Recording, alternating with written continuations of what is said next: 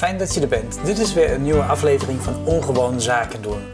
Eigenlijk de plek waar je even terecht kan als je een klein beetje inspiratie nodig hebt. En vooral als je marketeer of ondernemer bent, dan vind je hier mogelijk iets wat je daadwerkelijk kan gebruiken. Maar denk wel, dit is ook de plek waar de zin en onzin van mijn hoofd in ieder geval bij elkaar komt. Dus neem alles wat hier gezegd wordt met een korreltje zout en blijf vooral je eigen mening formuleren. En vandaag wil ik het hebben over iets wat me een hele tijd bezighoudt. Dat is het creëren van overzicht, van focus, van ritme uh, in een marketingafdeling. Maar misschien zelfs in een commerciële afdeling, dus waar meerdere disciplines bij elkaar komen. Want elke keer weer zie ik hetzelfde patroon. Dat je een soort van verzuiling krijgt tussen de verschillende disciplines als het gaat om het behalen van de doelstellingen. Maar de meeste doelstellingen, vind ik in ieder geval, zijn nog steeds heel erg apart omschreven. Je hebt het dan over individuele prestatieindicatoren of bijdragen, of kwalitatieve bijdragen die je moet gaan leveren. Terwijl het toch uiteindelijk gaat om de team effort, om de effort van het bedrijf, van de commerciële slagkracht van het bedrijf om een bepaald doel te bereiken. En ik denk uiteindelijk dat die noodzaak om alles per persoon of per individu te kunnen terugbrengen, dat die termijn steeds minder belangrijk wordt. Dat het steeds belangrijker wordt in hoeverre ben je in zijn geheel in staat om iets te bereiken. En daarom ben ik ook heel positief over iets wat ik steeds meer om me heen zie, namelijk dat teams elkaar gaan beoordelen op het functioneren. Dat ze elkaar helpen waar het nodig is, maar ook inderdaad van ja, even de, de vinger omhoog durven te steken als ze zeggen van nou, er is verandering nodig op een bepaald vlak. Ik zelf heb het meerdere keren ervaren dat op het moment dat iets gewoon niet werkt, dat het dan toch beter is dat geëscaleerd wordt, dat op een gegeven moment aangegeven wordt van hé, hey, dit moet gewoon op een andere manier. En dan samen gezocht wordt naar de manieren die dan wel werken, in plaats van ja, naast elkaar te blijven uh, doorakkeren eigenlijk en doorwerken. Daardoor verspil je vaak je eigen uh, extra energie die nodig is om, om iets recht te trekken, maar je krijgt ook geen energie van je omgeving, van de ander. En dat laatste denk ik is voor mensen die in een team werken enorm belangrijk. Dat het niet alleen maar gaat om je eigen bijdrage, maar dat je met z'n allen ergens naartoe gaat. Met z'n allen een klein stuk kan leveren, een bijdrage kan leveren aan, aan het resultaat van een bedrijf. En het is vaak niet heel erg transparant wie welk onderdeel heeft gedaan daarin. Vaak zijn het juist die aaneenschakeling van onderdelen die het mooie resultaat mogelijk maken. En als je dan heel erg focust vanuit het management, vanuit de leidinggevende op die ene prestatie van het ene teamlid, dan worden ja, al te vaak denk ik toch wel aspecten over het hoofd gezien of bijdragen van andere teamleden over het hoofd gezien die het succes mogelijk hebben gemaakt. Misschien niet direct, maar misschien wel indirect. En daarom denk ik dat het steeds belangrijk is om teams in zijn geheel Ehm, te beoordelen, te, in zijn geheel daadwerkelijk uh, een taakstelling te geven.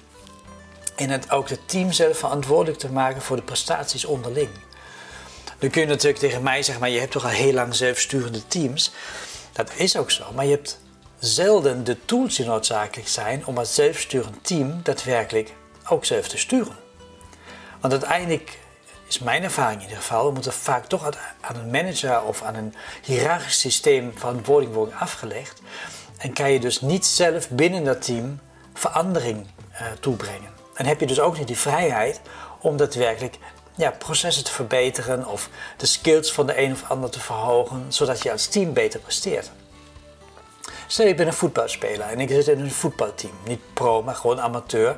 En wij zijn er met z'n elfen aan het spelen en vervolgens komen we erachter dat één van de elf ja, niet helemaal lekker de bal raakt. Dan is het natuurlijk fijn als je het team kan zeggen: we gaan nu extra trainingen eraan besteden om de balvaardigheden van die ene speler te vergroten.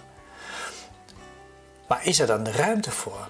In het privé, in een clubcircuit, is daar misschien nog wel de ruimte voor. Maar in het zakelijke leven is er daadwerkelijk de ruimte voor, zodat jij je collega's kunt helpen. Of jij je collega's beter kunt maken, zodat je als team daadwerkelijk sterker kan functioneren. En meer in staat bent om de resultaten die van jou verwacht worden, van jullie verwacht worden als team, te behalen. Nou, ik denk dat het zelden gaat zonder tussenkomst van een managementlaag. En juist dat laatste haalt denk ik toch al te vaak weer de, het initiatief weg. Of haalt al te vaak uh, de, de ambitie ook weg om daadwerkelijk iets te doen aan de verbeterslag. Dat is geval mijn mening. En ik kijk daarna vanuit de ervaring die ik heb opgedaan. Maar misschien zijn jouw ervaringen heel anders en denk je van, ja, zelfsturende teams is sowieso kansloos, want er zitten hele andere zaken erbij die, die belangrijk zijn en die ik nu niet noem. Of misschien denk je wel, nee, ik hou juist van hiërarchie, want hiërarchie geeft duidelijkheid en dan uh, hoef ik me ook alleen maar bezig te houden met mijn taak en hoef niet al te veel na te denken over wat de anderen om me heen doen. Misschien ben je wel heel erg individualistisch en vind je de samenwerking of de cohesie binnen teams helemaal niet fijn. Of je denkt juist, je hebt gelijk zijn, ik mis dat ook wel. Ik zie dat ook wel binnen onze teams of binnen mijn team.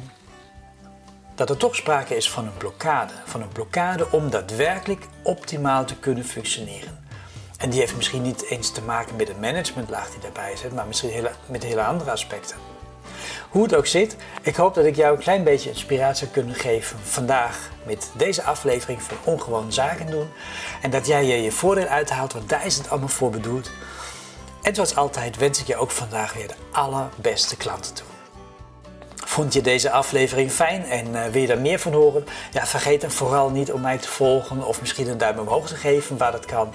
En deel vooral dat deze podcast er bestaat of dat deze vlog of YouTube, hoe je ook kijkt, bestaat met de mensen om je heen waarvan jij denkt, voor hun zou dat misschien ook wel interessant kunnen zijn. Dat was het voor vandaag. Tot de volgende keer.